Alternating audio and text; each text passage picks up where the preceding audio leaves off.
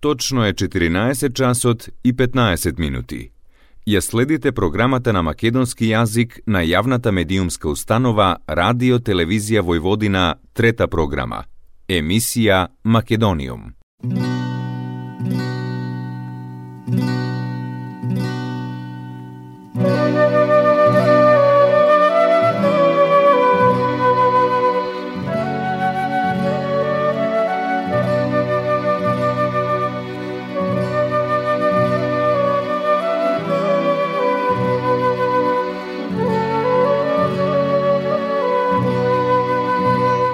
Македониум.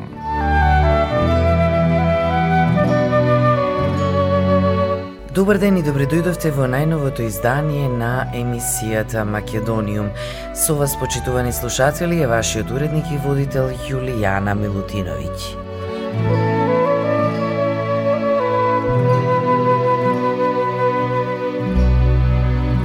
И денес во емисијата Македониум имаме значајно гостување и разговор со уметник од Македонија.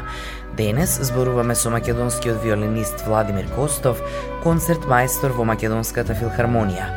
Владимир е добитник на наградата Георги Божинов на Соком за најуспешна јавна изведба на дела од македонски композитори во текот на една година, а наградата ја доби заедно со пианистката Марија Вршкова, со која заедно настапуваат како камерно дуо а Марија ќе ни биде соговорник во следното издание на емисијата Македониум. Владимир, добре дојдовте во Македонија. Многу се радувам што сте денес со нас, особено што македонски уметници каков што сте вие ни гостуваат често и во Србија и ја представуваат мојата матична земја пред српската публика. Честитки за последната награда од Соком, која ја добивте пред само два дена. Кажете ми колку наградите ве инспирираат како уметник за понатаму или пак што е за вас инспирација?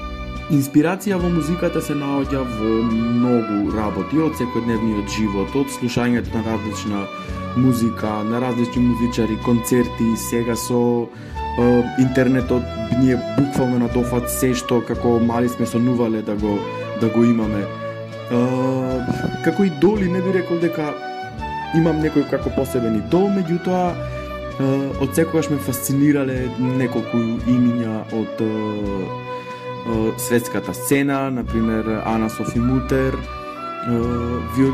светската виолинистка, ме фасцинирал Макси Венгеров, Наталија Пришепенко, Јанин Јансен, Рахлин, Джулијан Рахлин, во моментот на тие сега во, во овој момент ми се сеќавам да ги да ги спомнам. Меѓутоа има многу. Марта Аргерич ми е омилена клавиристка, Мицуко Ушида, исто, Далиел Баренбојм од диригентите, да не ги спомнувам и Курт Мазур, Јаков Крајцберг, така да има многу луѓе кои што кога ги гледам и слушам, во мене побудуваат едно чувство на на стимулација дополнителна да да учествувам на концерти, да вежбам, да слушнам нова музика, нова интерпретација од нив, па многу често се случува да земам ноти да ги забележувам нивните интерпретации. Така што има многу, поготово последно време гледам по светскиве надпревари, дека има и многу млади, веќе старосната граница на виртуозитет и интерпретација е толку многу поместена надолу што буквално се ежи човек кога гледа колку едно мало дете има зрела интерпретација и ги поместува границите на на перцепцијата и знаењето на она што предходно ние сме го имале како како е, како визија за еден уметник како треба да изгледа. Тоа малце е, ме радува и сигурно во понатамошниве години ќе има некој пресврт, не може да остане се исто како што било порано и мене ме радува фактот дека дека постојат доста такви такви млади луѓе кои што понатаму ќе представуваат инспирација. Македониум Знам дека и покрај ангажманот во Македонската филхармонија, вие сте дел од камерни состави и настапувате често и вон границите на Македонија. Вие сте дел и од оркестарот No Borders со кој требаше да настапите во Нови Сад. Кажете ми нешто повеќе за овој проект. Минатата година е, настапив на една голема турнеја како концерт мајстор и солист со No Borders оркестарот. Тоа е еден оркестар е, составен од големи професионалци од XU републиките и на моје огромно задоволство и чест ја прифатив понудата да сум и концерт мајстор и солист на, на овој концерт, бидејќи се работи за да е навистина сериозно професионален оркестар и е, фестивалите каде што ни учествуваме се е, фестивали во нашиот регион е, кои што се од висок ранг. Да, ние требаше тогаш да имаме концерти во, во Нови Сад, и сите бевме престрекни дека ќе имаме тој концерт во Нови Сад во прекрасната сала, меѓутоа еден од членовите се разболе од корона, односно беше позитивен и мораше според протоколите сите да се тестираме, за среќа никој друг не беше позитивен, меѓутоа правилата беа доколку и еден е позитивен, тогаш беше така. Страшно малце и мораше да се откаже концертот.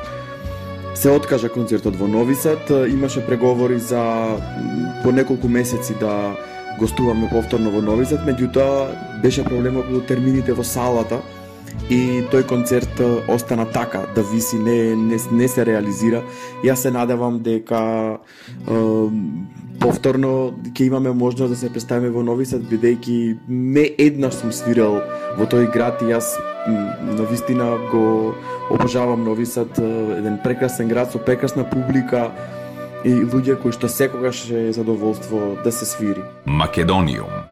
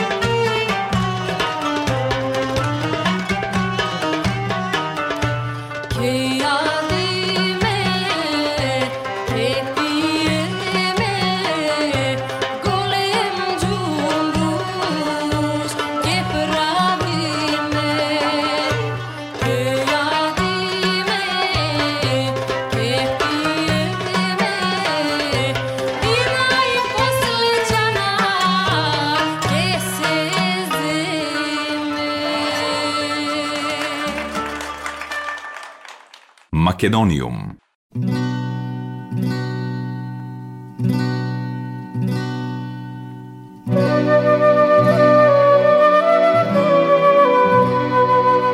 Остануваме и понатаму во Македониум во разговорот со Владимир Костов.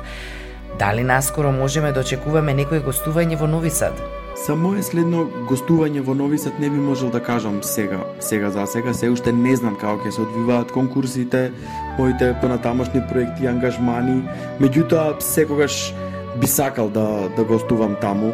А, има други фактори кои што определуваат нашите гостувања, така што не би можел од сега да кажам, меѓутоа да би сакал во најскоро време да дојдам и да одржам свој настап во, во Нови Сад пред таа прекрасна публика. Македониум Покрај тоа што нормално ја слушате класиката, верувам дека сакате да уживате и во поинаков избор на музика. Во која прилика и што? Се разбира дека освен класичната музика, слушам и друг тип на музика и популарна музика, така наречено сега обожавам да обожавам поп музика, хаус, диско, етно, обожавам извора народна музика, убави народни песни староградски. Значи нема нешто посебно со кое што јас би упуштил радио или или на YouTube и кој ќе речам еве сега само овој правец ќе го ќе го слушам. Значи ги обожавам ја обожавам цела музика од 80-тите, 90-тите години затоа што тие беа години кои што буквално го оформија светот и правците понатаму. Сметам дека во денешно време како што гледате се се базира на обработки некои на 80-ти, 90-ти, 70-ти години, така што нема некоја нова инспирација и некоја автентичност во денешно време, сме во некој како вакуум простор и сепак тоа е време во кој јас сум растел, јас сум се оформувал како личност и таа музика мене ми лежи на за, за срце најмногу. Така што да, слушам многу многу видови на на музика, сите жанрови. Слушам и джез, меѓутоа еве, не можам да кажам дека сум некој фан бидејќи како и како професионален музичар тој некако тој правец на на музика джезот не го разбирам и не можам да кажам дека кога ќе седнам и го слушам дека баш многу многу уживам во тоа, меѓутоа не значи дека нема работи кои што со задоволство ги слушам затоа што е еден правец кој што е фасцинантен во во музиката.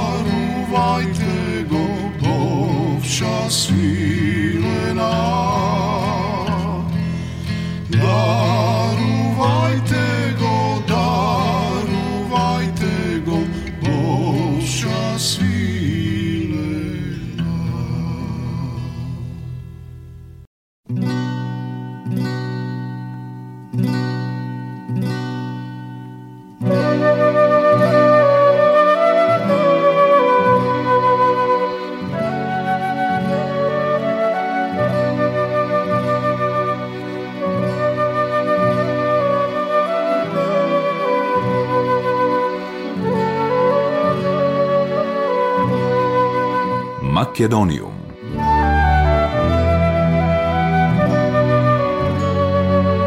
Во денешното издание на емисијата Македониум разговараме со Владимир Костов, концерт мајстор во Македонската филхармонија. Постои ли македонски музичар кој особено го цените и зошто токму тој?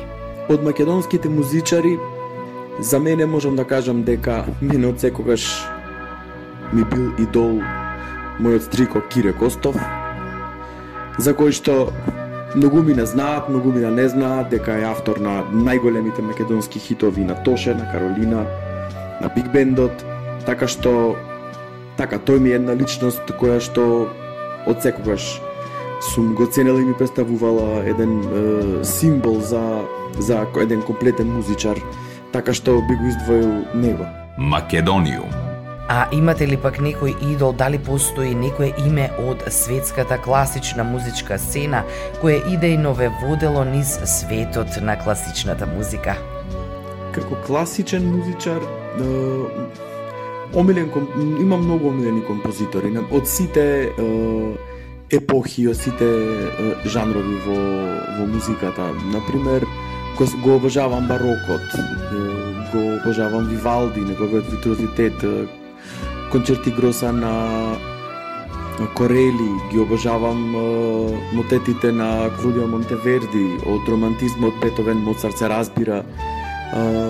Го обожавам може би еве како мој фаворит би бил Вагнер е музиката која што како средно школе сме воодушевуваше на грандиозност и реформација во оркестарот и оперите што тој ја правеше негува многу и современа музика, ги сакам минималистите, го сакам Стив Райх, го сакам Джон Кейдж, го сакам Филип Глас, така што не, не издвојувам едноставно во сите стилови наоѓам по нешто кое што мене многу ми се допаѓа и го оформува и мојот стил на интерпретација на, на некој начин. Македонијум За крај во денешниот Македониум, Владимир, дали можете да ни кажете нешто повеќе за вашите идни планови? За понатамошните планови, точно сега скоро, значи идната недела на 10 ноември, настапувам како солист со Македонската филхармонија, изведувам композиција од италијанскиот барок, дела на Вивалди, Корели, Порпора и Рихтер Вивалди, обработка на годишните времиња. Значи, како што предходно кажав, еден од моите омилени правци, заедно со придужба на моите колеги од Македонска филхармонија на Че... и со Чембало ќе ме придружува мојата колешка Цветанка Созовска која специјално за овој настан доаѓа од Холандија. Понатаму на 25 ноември со мојата колешка Марија Вршкова патуваме за Њу Йорк, имаме концерт во Нью Йорк во македонскиот центар каде што ќе изведиме музика од македонски и од амерички филмови, да многу интересен проект кој што до сега немам видено дека некој го има баш вака осмислено и направено. Зато крајот на годинава начално ми се тоа плановите. Понатаму ќе видиме што што ќе се случува во тексе и конкурсиве за проекти, па ќе видам што ќе се случи со мојот проект Violin Fest исто ревијалниот концерт на млади талентирани виолинисти кој што се случува во јуни месец и за тоа Боже здравје ќе видиме понатаму што ќе се случува. Македониум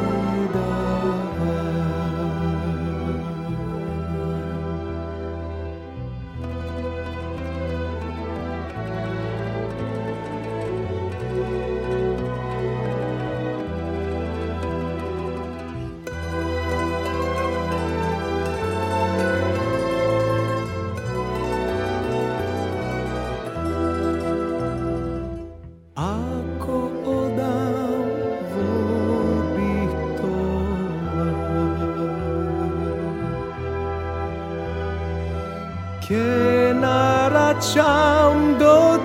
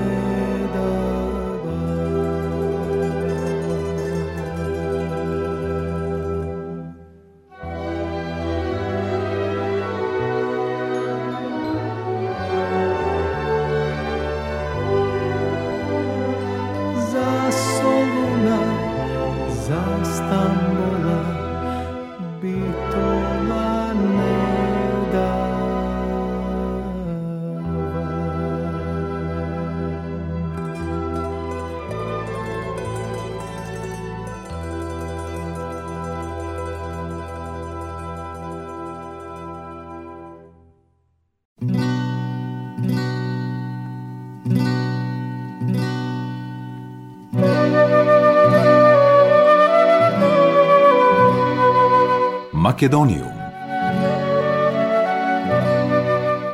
Владимир, ви благодарам за разговорот, ви посакувам уште многу успешни години музицирање. Почитувани слушатели, тоа беше се во денешното издание на емисијата Македониум. До следната среда, кога разговараме со пианистката Марија Вршкова, Уживајте и понатаму со програмата на третата програма на радиото при Радио Телевизија Војводина. Голем поздрав од вашиот уредник и водител Јулијана Милутиновиќ. Ја следевте програмата на македонски јазик, емисија Македониум. Главен и одговорен уредник Воин Поповиќ.